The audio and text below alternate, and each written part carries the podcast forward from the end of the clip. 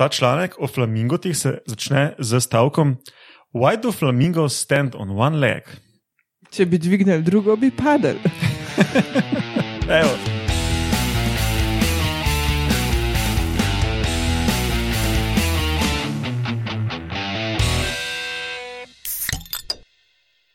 Lepo zdrav, spoštovane, spoštovani dame, gospodje, samci, samice, hermafroditi. To je 50. oddaja podcasta Metamorfoza in z mano so danes, danes standardna ekipa sovoditeljev za glomazno mešalko po imenu Melkijat, kot vedno Roman Luštrik, Ja, živijo.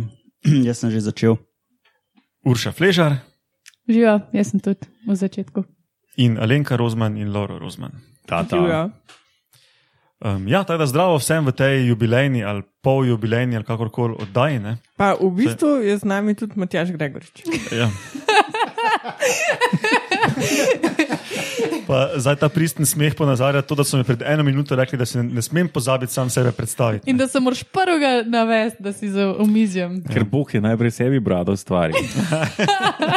Vse brado že ima. Um, ja, no, kakorkoli že, um, jaz sem se odločil, da bo vsaka 50. oddaja Metamorfoza jubilejna in da bo, um, da bo dolžina teh jubilejnih oddaj enaka številki oddaje. Ne? Se pravi, bo danes 50-minutna oddaja, tako da vsi, ki jim je to malo predolgo, bodo pač mogli potrpeti. ne. Čakaj, stoto. Danes drugače na sporedu imamo med novicami gosenice, ki presnavljajo plastiko, um, nekaj o evoluciji letenja pri dinozaurih, nekaj o globalnih vzorcih predacije, um, o tem, kako flamingo stoji na eni nogi. Uh, Potem bomo malo obrnili vrstni red, da bomo lažje ciljali 50 minut, in, bo, in bosta vaška posebneža Noj in ena palma po imenu Koko Demer. In potem za konec, ali ste vedeli, ki bo en taki bolj sproščen kviz o vse sorte rečeh. Um, pa preden začnemo, povemo, kdaj to snemamo. Na današnji dan, leta 1453, je po 53 dnevih obleganja Otomansko cesarstvo zasedlo Konstantinopel in končalo se je obdobje Bizantinskega imperija. Aha, aha, koga si nokol? Ja, verjetno kar ene par ljudi. Verjetno dosti. Ja, so imeli to folkloro. Ja. No, leta 1929, na današnji dan, se je rodil Peter Higgs, britanski teoretični fizik, ki je dobil Nobelovo nagrado za svoje delo na področju mase subatomskih delcev. In ja, to je ta stric, ki je poimenovan po zloglasnem Higgsovem bozonu. Ja, se pravi, Bozon. 29. se je rodil. Ok, Čak, čak, jaz imam še eno.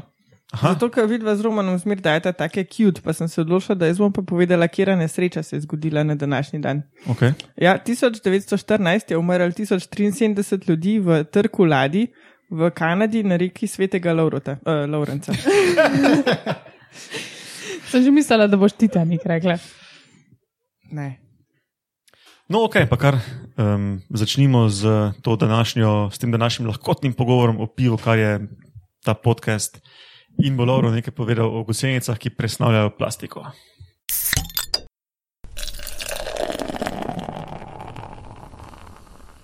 Današnja novica govori um, o enih gusencah in sicer ene vešče, ki uh, naj bi jedla plastiko in pač v resnici jo tudi je.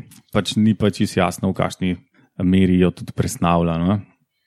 V glavnem ena um, gospa um, z italijanskim primkom je čebelarka ne? in potem pač nekega lepega dne je ugotovila, da se se je v panju zaredile um, ene unevešče, ki jejo vosek, torej satje čebelje, in jih je seveda zapakirala v vrečko, tako kot pač sem tudi že jaz kdaj naredil. In potem se je zgodilo isto, kar se je tudi že mena, ne? pol se tiste, tiste žveli preglizle ven iz une plastike. Ven, ne? no, ampak te gospe je bilo bolj dolža skamen, ker sem sam fuknil tisto stran v kanto. Ampak je šla gledati še te, te, te, te žveli, ne, uh, tudi presnavljajo to plastiko. A, a jih je zaprla v ta prver, pa so pregli, pregrizle ta Ne, ne, v prver. vrečko. Ne. Tako pač zmeraj to daš to vrečko, to klasika in pol pač to daš pač nekam, a ne, in pol pač to dela tako na glas, da slišiš kar deleč, a ne, in pol greš pogledat in to pol pač vidiš, da, da tiste žveli požrejo v vrečko, pa vse poserjajo, pa tako no, pač štalo naredijo. Ne me zdaj dal direkt v kanto. Ja, le. Ne, sej, enkrat sem pa tudi tako shranil samo satje, a ne, in pa se je pač tu na reč vse not zaredila in je pa, pa čisto tako po pač nekaj tednih. a Ne. No, kar koli. V glavnem, gospe je bilo rahlo dolgčas in je šla pogledat, kako je s tem. Ne. In um, je naredila pasto iz uh, črevesja teh gosenc in jo je namazala na plastiko in ugotovila, da je prišlo pač do neke razgradnje. Uh, in pol je pač se povezala z nekimi biokemiki in so ugotovili, da um, je prišlo do razgradnje v etilenglikol, no, kar so pač sklepali, da, da do neke razgradnje le pride, ne ve se pa, ali je razgradna zaradi uh, pač direkt encima, ki ga ima ta žival, ali pa zaradi unih bakterij, ki jih ima v črevesju. Ne.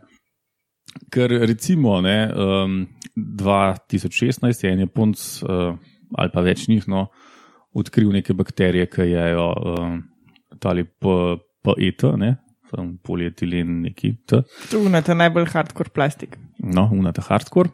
Pa so uh, 2014 so uh, eni Kitajci odkrili dva tipa bakterij, ki iz tudi prebavila vešča, ne, ki tudi razgrajujejo uh, polietilen, tako da ni uh, jasno, ne, a zdaj um, to delajo te bakterije, a to dela prav ta uha. Verjet, sklepa se, mislim, zelo verjetno je, da to delajo te bakterije. In seveda, pol se je vtaknil še vsaj deset ljudi noter v, v interpretacijo rezultatov, in v glavnem sam pluvajo, tako da um, treba bo počakati na kaj bolj uh, konkretnega, kar se raziskav tiče. no. Ne v ščivci. Uh, ne se drugače, uh, tisti, tisti dve bakteriji, ki so jih v prejšnjih letih našli, ki kao razkrajajo to, traja recimo nekaj, nekaj tednov za ne vem kakšno enoto točno, ne, da to predelajo. Uh -huh. Uh, pa pač ta avtorica pa misli, da bi lahko pač. Um, Če so recimo bakterije v črevesju te gosence, da je pač to lahko nekajkrat hitreje mogoče. Ne? Že nekaj tednov je hitro, glede na to, kako ja. plastika razpada. Ne? Drugače pa je bilo v medijih ful napačnega poročanja tega članka. Ne? Um, ful je folk poročal v smislu, da zdaj pa, zdaj bomo pa gosenice gojili in jih direkt gosenice uporabili, da bojo plastiko želeli, kar valjda ni res. Ne? To bi bila slaba. Ja. Ja. In, je on, in je ta tudi rekla, da ni v tem fora, ampak pol so bili pa že prav članki kot rebuttal, ne kot odgovor na, um, na tiste napačno povzete članke, kot jo, to je pa potencialno ful nevarnost, pa zajeda v čebelah, pa že v štartu noben ni sploh o tem govoril. No, mogoče kar se še splača umenta, ne, da uh, pač ta veša um, se pač futra s tistim voskom, ki gre pač za v bistvu podobno snov kot to plastiko, se pravi neko verigo um, oglikov, ki so pač z nekimi podobnimi, na, na podoben način vezane med sabo. Ne, pač Teda Zaradi tega lahko to dela. Ne. je, so ravno te. te ja. Ja. Če so že odkrili tako bakterije, ki rabijo pač okay, nekaj tednov za to, da neko majhno količino razgradijo, ampak z, mečken, mislim, okay, z velik dela v laboratoriju bi se to dal verjetno zelo optimizirati. ja, pa to ne pomeni, da ne morejo novih odkriti, ki so Ja, mogoče ja, to boljši res, ja. Ja. Ok, Urša, dinozauri. Ne, hočeš reči ptiči. No, pa se, ja, Ja, to je saj. to. Dinotiči. To se sliši kot ena vas tam iz prekmurja. Mm, jaz imam pa eno novico iz področja, ki smo ga že pred kratkim obdelavali in sicer ptice oziroma dinozauri. Skratka, raziskovalci na univerzah, ki imajo full denarja, so naredili ene fancy nove laboratorije. In v tistih laboratorijih so dali še bolj fancy nove naprave. In tiste naprave so bile zmožne meriti marsikaj, kar se tiče, kako ptiči letijo. In pa so se oni vprašali, ali lahko mi nekako te ptiče klet s temi našimi napravami tako posnamemo, da bi lahko zmerali, koliko energije oni porabijo za te svoje lete, pa nekako tako preverjali, če so dinozauri imeli kaj skupnega s tem načinom leta, ki ga imajo danes ptice, pa pa iz tega ugotovili, kako so se dinozauri naučili leteti. Does that make sense? Ja, Mm, probali so ekstrapolirati nazaj. No, in kako so to naredili? Se pravi, imeli so neko tako zaprto sobo za te njihove ptice, ki so bile neke vrste papig, ki živijo v, uh, v gozdnem habitatu, nekje v tropih. Um, in potem so jim tam naštimali take letvice v različnih razdaljah. Ene letvice so bile 20 cm na razen, druge so bile 40, 50, 75. Ne? In potem so s temi razno raznimi fancy napravami in senzorčki merali, kako te papige iz ene letvice v drugo skače, na drugo skačejo. In so gledali, kakšen delež energije pri skoku prispevajo noge in kakšen delež energije pri skoku prispevajo krila.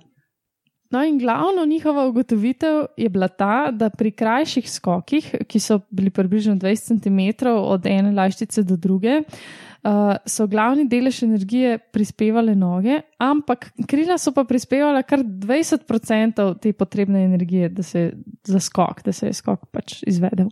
To je ena petina. Ja, Dosti, ja. Bravo, Alenka. to je bistveno.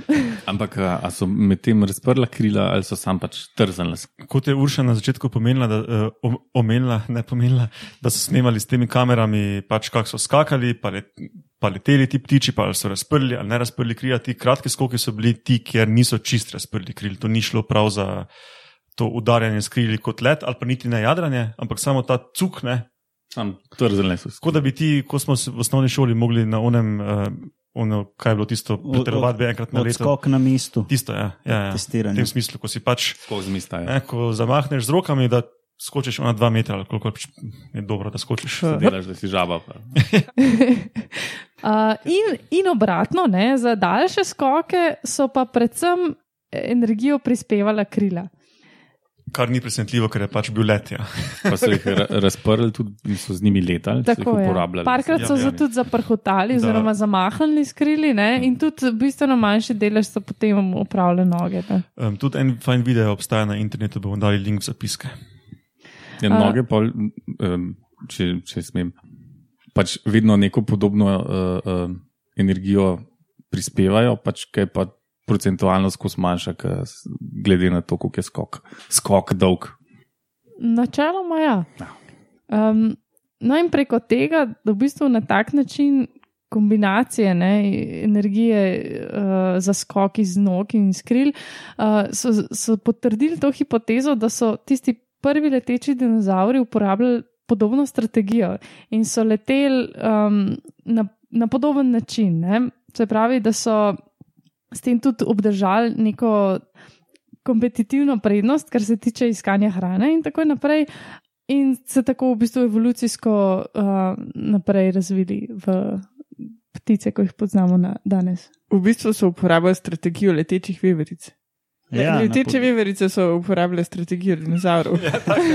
Um, no, ja, v bistvu ne vemo, če jim je to ful omogočilo dostop do druge hrane. Pač že če je premikanje učinkovitejše, da to selekcijsko prednost. Ne? Ja, energijo so bolj učinkovito Pač, um, uporabljali. Očitno daljše, ko so imeli okončine, v neki fazi so, za, so tudi začeli jadrati z njimi, ne, ne se samo odrivati in tako. Ja. Pač to je šlo postopoma.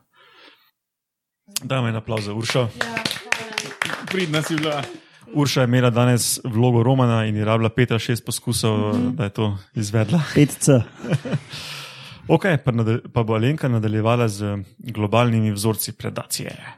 Jaz imam tudi gosence, tako kot moj mož. Sam, O, to sem pa v bistvu ne na ključno tako razdelil. ampak- V, v isti moki, kot jaz. Ja, ne na ključno, Matjaš si razdelil. A ja, pardon, na ključno, na ključno, ne na ključno.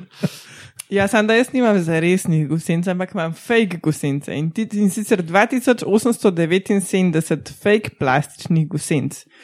Um, so ja, razdelili med 40 raziskovalcev in vsi ti raziskovalci so pokrili 31 lokacij po celem svetu in so limali te plastične gosence. To pa zato, ker jih je zanimalo, če na severu res manj žvalika bi te gosence pojedle kot v tropih.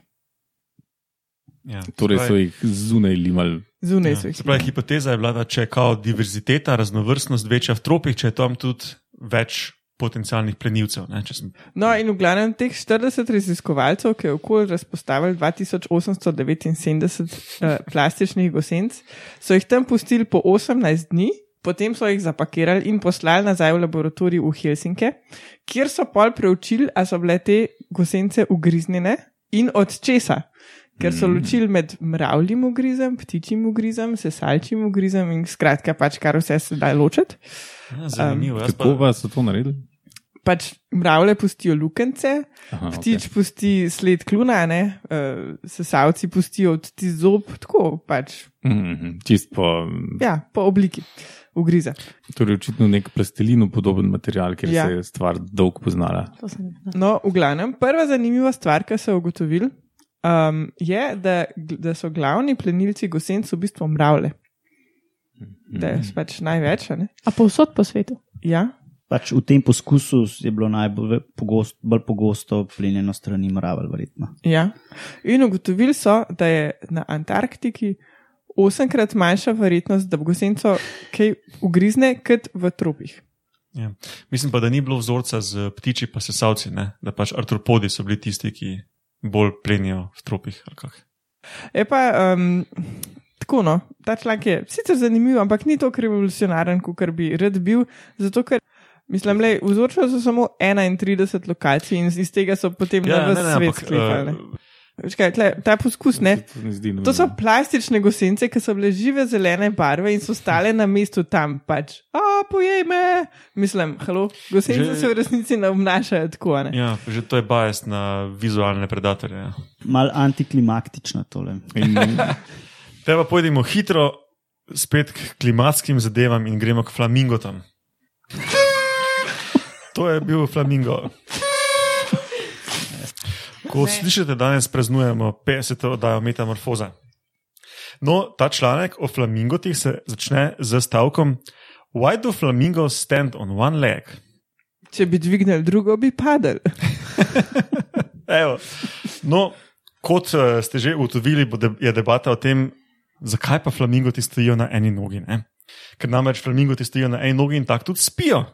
No, dve hipotezi sta um, o tem, zakaj sploh stojijo na eni nogi, in ena je, da s tem zmanjšajo izmučenost mišic, druga pa, da s tem zmanjšajo izgubo toplote, zato ker pač stojijo v mrzli vodi. Ne? Ta se meni zdi malo bosa. No, kakorkoli. se bosi so. Um, študija, o kateri danes, študija, o kateri danes govorimo, je pa prva, ki pa dejansko pogleda, kakšna je sploh mehanika tega um, stanja, stojanja, kakorkoli je uh, samostalnik iz stati. Ne? Stanje je v redu. No, um, in imate kakšne ideje, kako so to delali? S kameram v laboratoriju.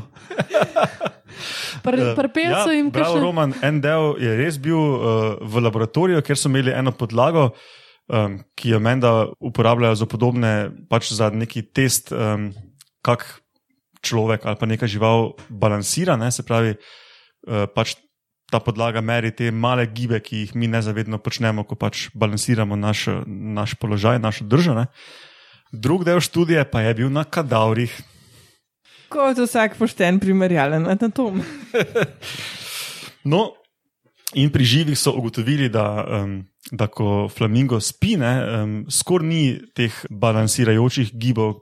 Možganom skoraj ni treba uravnavati, um, vklapljati in sklapljati mišice, da bi balansirali to živo telesce. Ne? Medtem ko so pa aktivni, pa gledajo okolje, pa seveda teh, uh, tega balansiranja dost več. Ne? Um, zdaj pa preden gremo na trupla, kako izgleda flamingo, vam bom pokazal sliko, pa poslušalci si jo tudi lahko pogledajo. To je flamingo. In vidite to, uh, kar zgleda kot koleno pri nogi, ne? to je v resnici gležen. Koleno je pa nekje uh, pod, pod trupom in femur, se pravi ta kost med kolenom in kolkom, je, Tegnenica. hvala, stegnica, je vodoravno. In ko so probali kadavre, so probali postaviti tako, kot flamingo stoji, ko ga gledaš živega, ne? oziroma spečega. Ne?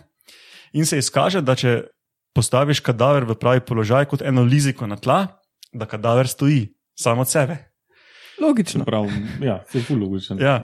In uh, se izkaže, da ta kadaver lahko tudi um, na stran ukloniš do 45 stopinj, pa še vedno stoji. O, To je kot to bo un, un Michael. Jackson, a veš. Ja, ja. Zdaj so pa ratali te tiči kula, nekaj. prej, prej so Ja, ja, ja. Da, da, to me je Bedni rozda tiči. No, ja, in pač potem so v tem članku še malo bolj um, znanstveno ovrednotili točen položaj, pa kira kost kaj dela, ne? ampak v končni fazi je to to. Ne? Kadaver, če, če kadaver lahko samo sebe stoji, lahko tudi speč ptič samo sebe stoji. Mm. Um, drugač pa tako mimo grede, ne, um, niso, ni, ni flamingo seveda edini, ki je razvil uh, pasivni mehanizem um, drže, bom rekel. Ne. Recimo netopirji, ko visijo, ali pa kakšni ptiči, ki na vejcah stojijo, so razvili pasivne mehanizme, da grabijo neko vejco ali pa nekaj. Ne. No, pa tudi konji imajo menda nek pasivni mehanizem, mm Mhm. -hmm. da stojijo in lahko stojijo in spijo. Ne. Ja, nekaj se jim tako zaklene v kolenu ali nekje. Pa vse to že vemo iz pike nogavičke. Kaj je bil Ferdo, kaj je bil kon. A ni bil piki? Pik, ja. Ja, Ne, gospod Kon je bil. Bil je Ja. gospod Kon. Ficko je bilo. Ficko je Ja, opcija. Neki na F. Bil pa je pikast. Ok, pa danes za spremembo ne bomo nadaljevali z ali ste vedeli, ampak bomo nadaljevali z vaškimi posebneži, to imaš pa ti, Roman.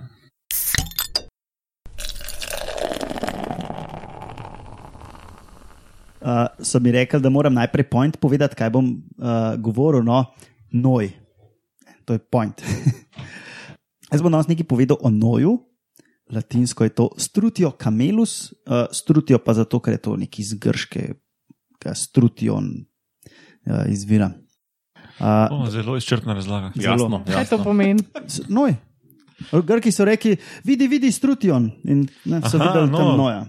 To je pa že boljša razlaga. Danes poznamo dve vrsti noja, somalski pa pač ta navaden. Uh, in so žlahta z recimo skivi, emuji, rejami, sem prav to sklanjal, pa kazavari, ne, slovensko, boh pomaga, če obstaja. A to so vsi ti neleteči. To so te veliki neleteči tiči. Od te navadne vrste poznamo več podvrst, uh, že, izumrlo arabsk, že izumrlega arabskega noja uh, in, ki mislim, izumrl iztrebljen, ne, uh, masajskega, severnoafriškega in ne nazadnje južnoafriškega, in tega tudi uh, vidimo v jetništvu, ki se ga goji za različne dele telesa. No, to, to je zdaj, kar vemo uh, o teh nojih, uh, kar, kar danes že večga. Uh, iz obdobja ne, vem, 5 do 20 milijonov let nazaj, recimo iz fosilov, poznano pa še več vrst. Um, z Kitajske so znane tudi že risbe z noji, verjetno že pred ledeno dobo. Tako da tega je bilo kar nekaj, uh, ljudje smo pa to uspešno potamanili, tako ali pa drugače. E, mogoče ene par de detaljčkov. Poseben je recimo to, da ne leta in je zelo težek, tehta recimo tam okoli 100 kg in je visok tam od 2,1 do 2,8 metra. Se pravi, en tak. To pa je Tako posebno. mi dva, Laura. Ja. Ja, tako en, jaz sem hotel reči zelo tak uh, skrhan košarkaš, ampak ok, tako kot vidva. Um, živijo lahko tam od 40-45 let, uh, v jetništvu so tudi že čez 60 let živeli, polno dozori pa pri dveh do treh letih. To, zakaj je to pomembno, bom pol še se vrnil. No, posebne so tudi zato, ker zelo hitro teče. Recimo, doseže tudi hitrost do 70 km na uro, ampak to je tako, pač višek, ne? teče pa lahko tudi na 50. tako Da, ampak to je čisto smotrno, ker pač po naselju več kot 50 ti tako ne moreš. A ja, zato je vaški. Lepa, lepa. Ja, jaz sem jih videl v naravnem okolju in takrat so bili na cesti. No, vidiš? Ja. Naravno okolje. Ja, rt dobre nade v Južni Afriki, tam, tam so, tam laufajo okoli. Kot sem že omenil, je relativno velik in, je, in leže največja jajca izmed vseh danes živečih eh, uh, ptic. Pa je tudi najtežji ptič. Uh, mislim, da ja, uh, težji so bili sam še te, da, da so recentni, ne, se pravi, uh, je bila madagaskarski noj, pa slonji noj. So pa izumrli tam 1500-1700 in kar rečem, izumrli, mislim, iztrebljen. Pri nojih je še to uh, zanimivo, da perje ni letalno, tako kot je prej Urša omenjala, da njih tiči skačejo skrili, ampak deluje bolj kot izolacija, pa, pri, eh, pa pomoč pri teku, žlajfanju, eh, pa cikcakanju levo-desno, se pravi, ker lahko tudi bežijo pred kakšnimi plenilci, eh, tam jim to perje zelo pomaga. Eh, Prehranjujejo se predvsem z rastlinsko hrano, nabrane se pa tudi kakšnih nevretenčarskih dobrot. In ker so ptiči, eh, imajo um, gizzard, uh, imajo mlinček, se pravi želodec tako narejen, da v bistvu rabijo požirati še kakšen pesek, ki jim ful pomaga pri prebavi, da, da premlejo hrano. To je ono, ko dajo glavo v pesek. Ne? E, pridem tudi tja. No, hranijo se s temi zadevami, ki sem jih omenil, so pa tudi hrana eh, drugim živalim, recimo hijenam, psom, uh, savanskim mačkam, so ne vem, levi, gepardi. Uh, lovijo jih bolj iz zasede, zato ker so tako hitri, da jim jih težko uh, ujamejo. Mogoče kakšen gepard no, se, se lahko poigra, ampak drugi pa načeloma niti ne morejo. Pa ljudje. Ja, ljudje jih tudi. Uh, Ena specialiteta je v Južni Afriki ostrich steak. To praktično Ja. moraš probati, Jaz sem hotel to prišparati za konec, ampak uh, posebno je tudi s tem, da ima odlično meso. Mhm. Boljše od uh, skoraj vsega, kar sem v življenju proval. Tudi jajce ni slabo. Ne? se pravi, boljš kot kura.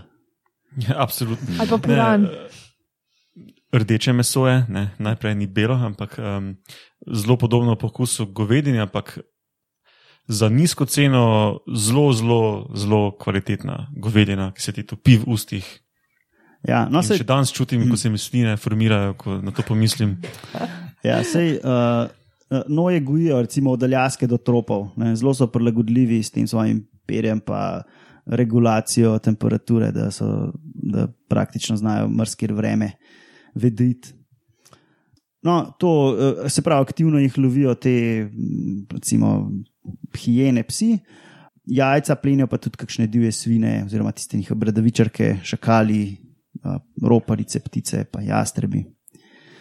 Načeloma živijo sam, posamično ali pa v parih, med parjenjem se pa tudi zbirajo večje skupine in samci nekako zber, zberajo en tak harem samic na nekem teritoriju, ne vem, od 2 do, 2, do, od 2 do 20 km. A pa se parijo tako kot običajni ptiči, da sam skoči na samico. Pa. Uh, Kukar vem, ja. Pa kolaka na kolako ali E, e. izvihajo, kaj karace. Uh, to sem upal, da bo noš vprašal. Pa sem. Jaz se pa spomnim slik, da imajo ene prav fajn penise. Ne. Ja, Aha, v bistvu, korace. v bistvu mislim, da ima uh, samica neko izvihljivo vagino in polnik, pa, pa imajo ločeno, kl, uh, nimajo kloake kot take, ampak imajo neki ločen, sem, to je fiziologija, sem se rekel, da to, to ne bom se poglabljal. To, kar kliče po slikah, bomo dali slike v zapiske. Uh, sam s tem svojim haremom izkople neko luknjo, uh, globoko lahko tudi do 60 cm, pa tako 3 metre, recimo, da je primer. Uh, kar velika zadeva in te njegove kure začnejo noter odlagati jajca. Pa pride pa ta velika alfa, v narkovajih kura in vrže ven jajca. Vse razen svojih, tako 21 jih pusti, no, tako da svoja pusti noter, pa je, da jih zna ločiti od ostalih, pa še kakšna pač tako za zraven. Uh, mogoče še ena taka zanimivost glede jajc. Um, so velika cirka 15 cm, pa tihtajajo kilo 40. Se pravi, to je za ene 20 kurih jajc, tako eno jajce. Tako da ena orankom leta. No, kot sem že omenil, se pred plenilci skrijejo tako, da se na tla uležejo, pa stegnejo vrat ob tleh. Ne? Ali pa jo popihajo s 50 km/h, kot sem že omenil, oziroma 70. Ne? Matjaš je pa prej omenil tisti mit, ne, da rinejo glavo v zemljo. Ne, to so pač narobne domneve. A, Čuri mori je na robe ne, napisan. š- še slabi, to je že ta star plini umenjal, da naj bi noj mislil, da se ga navidka glavo v grmovju takne. Te, plini, tega plinja smo že omenjali, ker smo eh, bioluminescenco snemali, ker je opazil že to lesketanje morja po noč. No, to je bilo to, kar se nojo tiče. Ima kdo kakšno vprašanje, ki ga vem? Ne. Uh, naslednji je pa Coco de Mer Palma. Uh, slovensko sem šel to prevajati, uh, morski kokos, dvojni kokos, oziroma sejšelski usekanec. Ta še najboljši. Ja, sejšel nat, ne? Ja, se, to je sekanec. Uh, latinsko bom, bom spet uh, Lodoicea, to je la- latinjeno kralj Louis. Ne? Lodoicea Maldivika in kot verjetno lahko sklepate, jih ne najdemo na Maldivih, ampak na Sešelih. Zdaj, če greste z Madagaskarja v Indijo, je tako na levi strani vidite najprej Sešele, pa pa čez par metrov pa še Maldive, ampak to ni, to ni eno in isto. In uh, na Sešelih raste samo na dveh otokih ta rastlina in ima blazno velike semena, velika semena. In ker raste na zelo re, revnih tleh, se rab nekako hranila sama zagotavljati. In so ugotovili, da imajo, recimo, v primerjavi z drugimi rastlinami v tem okolju um, samo eno tretjino dušika, pa fosforja v listih. Se pravi, zelo, zelo, zelo malo. Se pravi, zelo na, na, tako, na štand gasu delajo. pa so pa šli analizirati malo to zemljo okoli rastline, pa so ugotovili, da je uh, koncentracija nutrientov okoli rastline ful večja, kot pa, ko se začneš oddaljevati od nje. So pogruntali, da se to zgodi tako, da imajo te veje vrne tako, da teče voda in skupaj z vodo, seveda, ne vem, iztrebki ptičev, uh, mrtve živali, prah, teče po deblu in v zemljo ne, in se tako nekako koncentrira Ja, te nutriente. Spravi. Cool. same sebi dovajajo to Ja. koreninam. Ja. Žleb v bistvu imajo svoj. Ja, ja, eh, eh, so napisali, da je boljš kot žleb, ne, odvaja. Zanimivo pri teh rastlinah je pa, da imajo ogromna, ogromna semena. Ne. To je ne vem, 50 cm velika semena, kokos. Fuck. Ja, Ki zgledajo, kot ena velika rit. ja, ja ok. Um, Uh, slike v zapiskih. V bistvu mehna rit. ja, ne vem, No. čigavo primerjaš, če z uršino polje ogromna, ogrom, so ogromne. Ravno kar sem pokazal Lauro tu sliko tega semena, ki Ja. zgleda kot rit, da je to tudi v zapiskih, seveda. 25 kg imajo te, ta semena. Ne? In uh, ta semena ne padajo daleč od drevesa. Skoraj pričakovano. Mislim, ja, morajo res orang veter pihati, da to kam odpihne. Ne? Eh, Bolj verjeten, če bi voda padala, drugače pa ni šans. Ja. ne. V tem članku so še omenjali, no, da naj bi te rastline um, negovale v narekovajih te, te um, svoje mladiče, ne, s tem, da zadeva ne pade daleč od drevesa in se v narekovajih priklopijo na te nutriente, ki jih sama drevesa zase delajo. Ne, in pol pač rastejo nekako v senci staršev in um, polka starši grejo, pač imajo oni šanso, da, da zrastajo. Um, ampak meni se je to zdelo tako malo Počlovečeno. počlovečeno in pač ja, star, to je pač stranski produkt tega, da, da, da so tam dol padali. Uh, pol pa imajo še ene hipoteze, zakaj imajo tako velika semena, ker to je res tako abnormalno veliko za vse to, kar danes raste. No, ena teza je, da je to še nek živ fosil, uh, ala ginko, ki je pač edina vrsta v svojem rodu, tako kot ta. In je še z časa, recimo, dinozavrov, ki so raznašali tako velika, lahko raznašali tako velika semena. Pa je užitno to. Ja, zelo speciali, specialiteta je gurmanska in ogromno denarja plačaš za to, da, da boš jedel tisti, kako so. Ne, te, te sešelski oreh v formi ali sladoleda ali musa ali karkoli. Glih sam sem gledal eno, da pa so imeli neki Nemci prav posebno sladico iz tega. Uh, ja, druga hipoteza je, da je um, pač za nalaž naložijo toliko nutrientov v, v seme, zato da lahko pač rastlina normalno uskali in uspeva v teh, uh, da uspeva v tleh, ki ima res malo nutrientov. Pa tretja hipoteza je, da ne bi imele otoške rastline že po defaultu večja semena. To je bilo bolj ali manj to. Ima kdo še kakšno vprašanje? Ok, potem pa gremo na ali ste vedeli.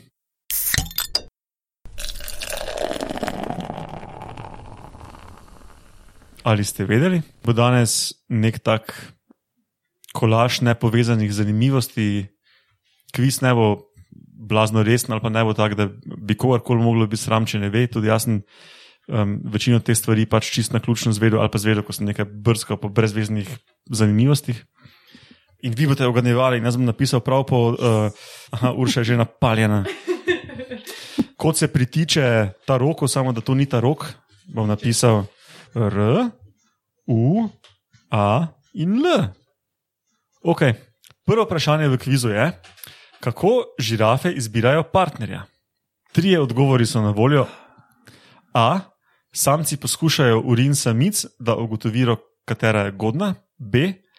Samci pojejo oziroma mrmrajo in samice izberejo boljšega samca. Ne, to je pač treba si predstavljati petje pod narekovaji. In spet pod narekovaji samci poplesujejo, koliko se pač lahko samice, uh, samci prestopajo pred samicami in potem samice izberejo boljšega plesalca. B. Uh, Uša pravi, da samci pojejo, roman. Ja, glede na to, koliko so veliki, pa štorasti, plešejo, verjetno ne. Tisti urin, pa ne vem. Um, pa ja, ok, da imamo, mrmrajo. Alenka, Jaz pa pravim, a to je tako neumen, da si zihar nisi izmislil. Ja, definitivno je meni všeč food fetiš, tako da cene. Torej, Alenka A pravi, da uh, samci pokušajo urin, uh, Laura pa da samci poplesujejo. Ne? Uh -huh. No, pravilni odgovor je A. Samci poskušajo urin samic, da ugotovijo, katera je godna. Dolg Eh, čas. Drugo sem si gladko zmislil, da pojejo in plešejo, kot ste ugotovili. Ne? Se pravi, uh, godnost samic samci ugotavljajo s tem, da um, imajo uh, pokušino urina in potem. Potem pa, da jo osvojijo, jo pa še morajo nekaj lizati po repu in božati za svojim vratom po hrbtu in nekaj take. Ne? Ampak prvi korak je, da poskušajo urin. Um, drugač pa kot zanimivost, samci uporabljajo tudi svoje dolge vratove kot orožje v spopadih, ne, ko se pač mlatijo en drugega. Ampak tu je še ena zanimivost. Ne, po tem duelu, ko se mlatijo eh, s temi svojimi vratovi, ne, se samce malo pocartata, potem ko odločita, kdo je zmagal. Na enak način, kot se cartajo s samicami, da jih pregovorijo v seks. Ne. In to homoseksualno cartanje je v bistvu precej pogostejše kot heteroseksualno cartanje. Oho. Ampak ta, to je taki proper way of, of uh, dueling. Ne? Prvo se svajtaš, pa se pa malo pocartaš. Ne? Ja, to uno gre na pivo. Pale. Ja, ja. ok, Alenka dobi točko. Ok, vprašanje B, zaenkrat še ostanemo pri spolnosti, gremo potem na druge stvari. Zakaj imajo nekatere opice modra jajca?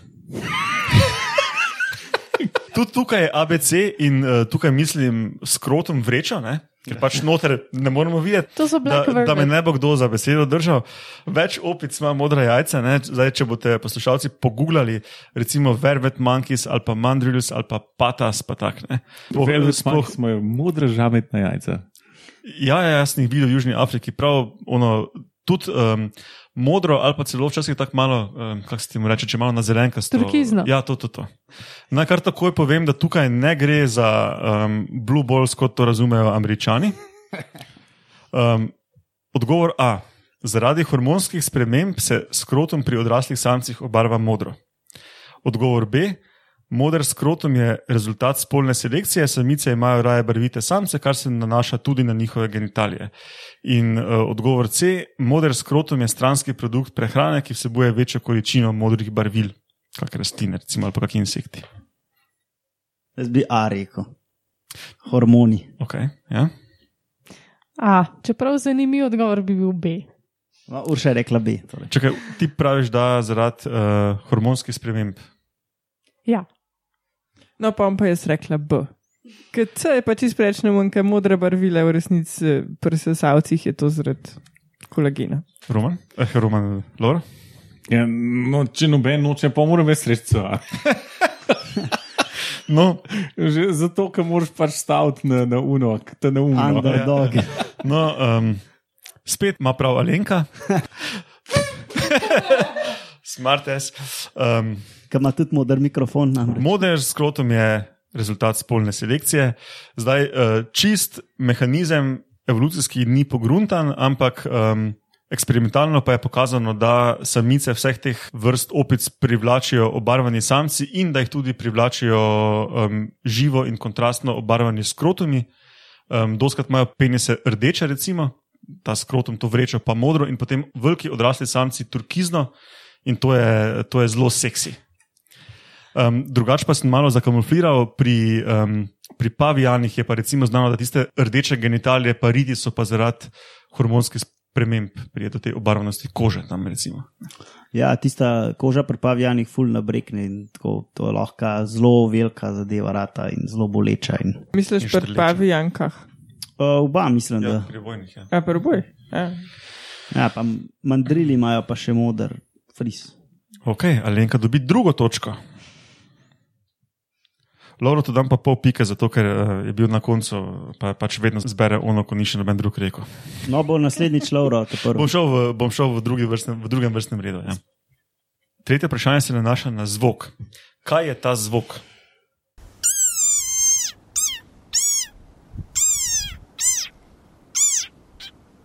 Okay, kaj je ta zvok? Je to A. Paritveni klic neke ptice, B. Obrambni klic neke žabe ali Lauro pazi C. Prdec neimenovanega poslanca. ne. Ali C- poslanke. C, prdec neke želve.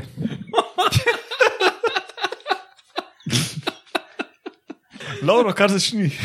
Pa da je v sceno. Alenka.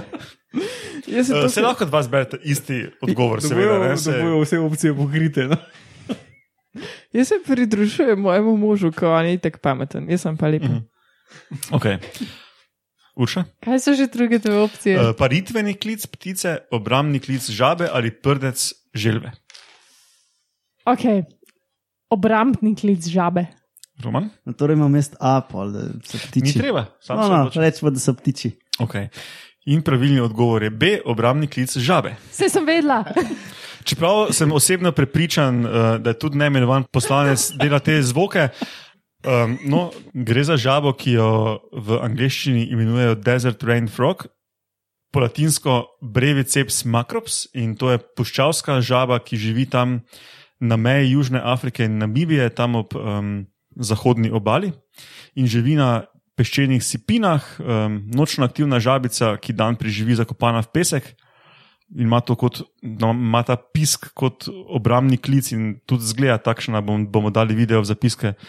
Um, kot ena taka gumijasta, napihljiva živalca za vbano za otroke, recimo, ki, ki bi jo stisnil, da bi se napila vode in bi potem šprical ven. Recimo. Tako no, tak zgleda približno. A to so tiste žabice, ki imajo take riličke noske, ki so fos, ki ne, živijo. Ne. ne. ne. Bomo dali video. Pa.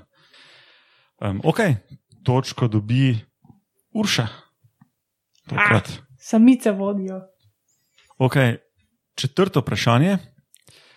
Kako hitro grizejo kače, oziroma katera od naslednjih treh trditev je res? A. Najhitrejši ugriz imajo viperidi, se pravi, to je družina gadov in žlahte, se pravi, kače, ki s trupom lovijo. Se pravi, najhitrejši ugriz imajo kače, ki lovijo s trupom. B. Najhitrejši ugriz imajo kače, ki se s trupom branijo, se pravi, tiste, ki grizejo, da se obranijo napadalca. Ali C. Najhitrejši ugriz je približno enako hiter, ne glede na to, ali gre za vrsto, ki napada ali se brani.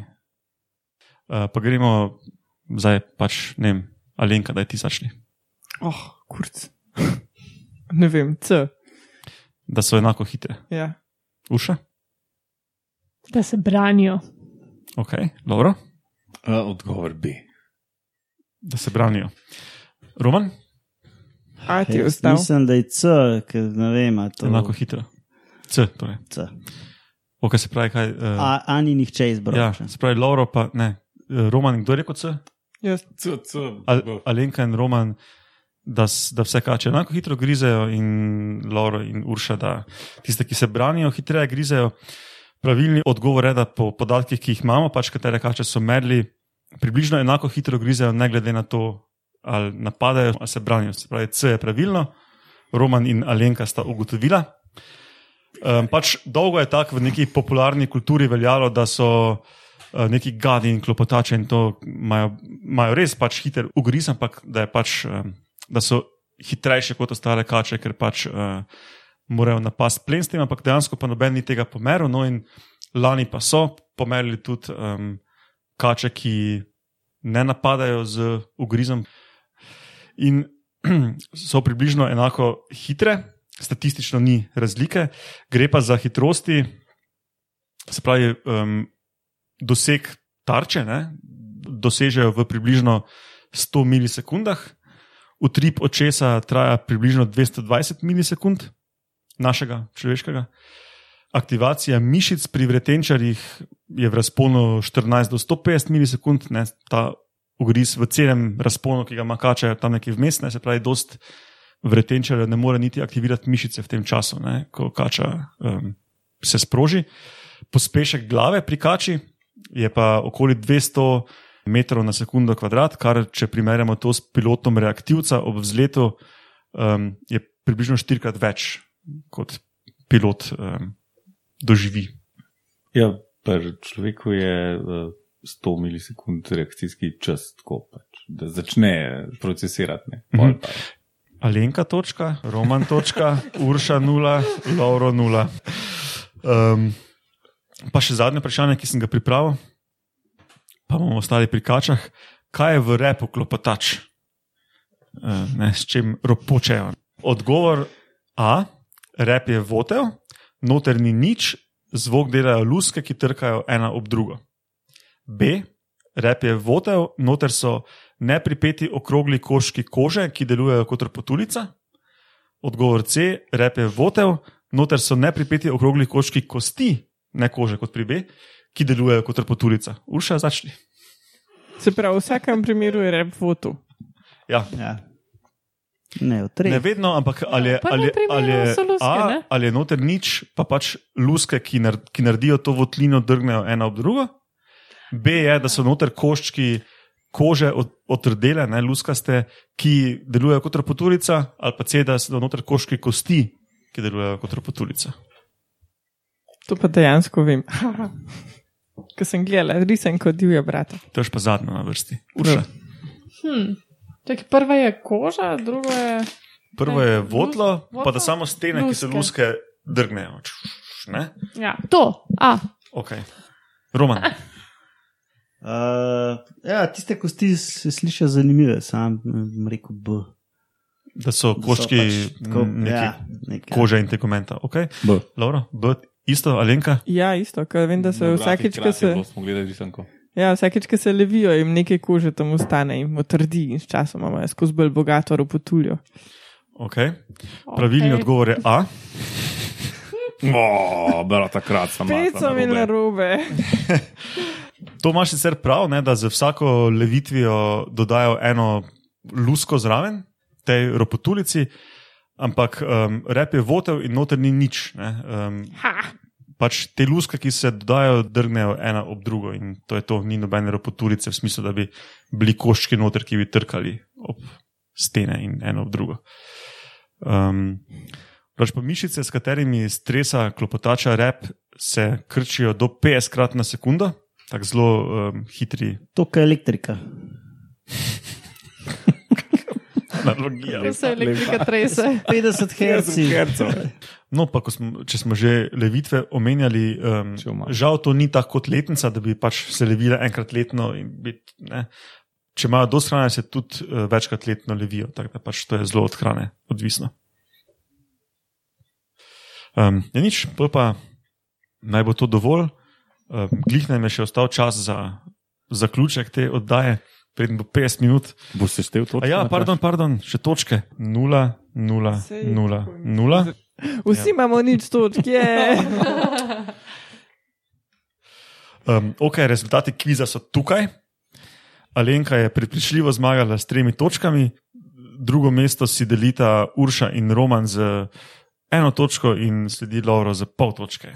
V bistvu zdaj je jasno, kdo naju je lep, pa kdo pameten. Ne? No, stike si pogledajte v zapiskih. Glej, Lauro, nisi pameten, je pa vsaj Alenka lepa. Nekaj vrš vedne. Okay, potem pa um, najprej bi se ob tej priložnosti rad zahvalil Martinu, ki ga danes ni tukaj, čeprav sem ga povabil, da je začel snemati uh, podcast z mano, pa vam štirim, da ste večino epizod um, z mano zdržali in med tem snemanjem se v bistvu prav fajn imeli, ne, upam, vse tako zgleda na vzven. Um, pa poslušalcem za poslušanje, vse poslušalce bi vas ob tem še pozval, da nas širite po vaših uh, družabnih omrežjih, pošljite nam komentarje, pripombe, kritike na e-mail metamorfoza.afnametinalista.si ali pa na Twitterju pod hashtag metamorfoza ali pa na Facebooku. Metamorfoza ima svojo Facebook stran. Romana dobite na Twitterju pod etromunov, Uršo pod etgozna Jožica, mene pod etmatjaš Gregorič, Alenko pa Laurota na blogu Slasno, link je vedno v zapiskih ali pa na Facebooku. Um, v uvodu, ker je danes malo hecna epizoda, sem pozval povedati, da metamorfoza gosti na medijskem mreži Metina Lista. Če vam kak evro preveč hodi, smo tudi zelo veseli um, kakšne donacije, ki nam zelo pomaga, da to delamo na čim višjem nivoju. In da je Melkija tu vsako leto težji. Tako, Dobro se redi. oziroma, da smo pipija prodali, pa kupili Melkijada. Um, metinalista.si, pošiljnica, kategorija pošiljnica metamorfoza. Ja, to je website. Drugač sta na Metini listi še dva druga podcasta, Metin Čaj pa Meta podcast. Pa še to pogledajte, če so vam podcasti kul. Cool. No ja, pa hvala še Oleju Reuterju za taki kul cool logo, pa še na naslednjih 500 epizod. Ne. Ajde, čau.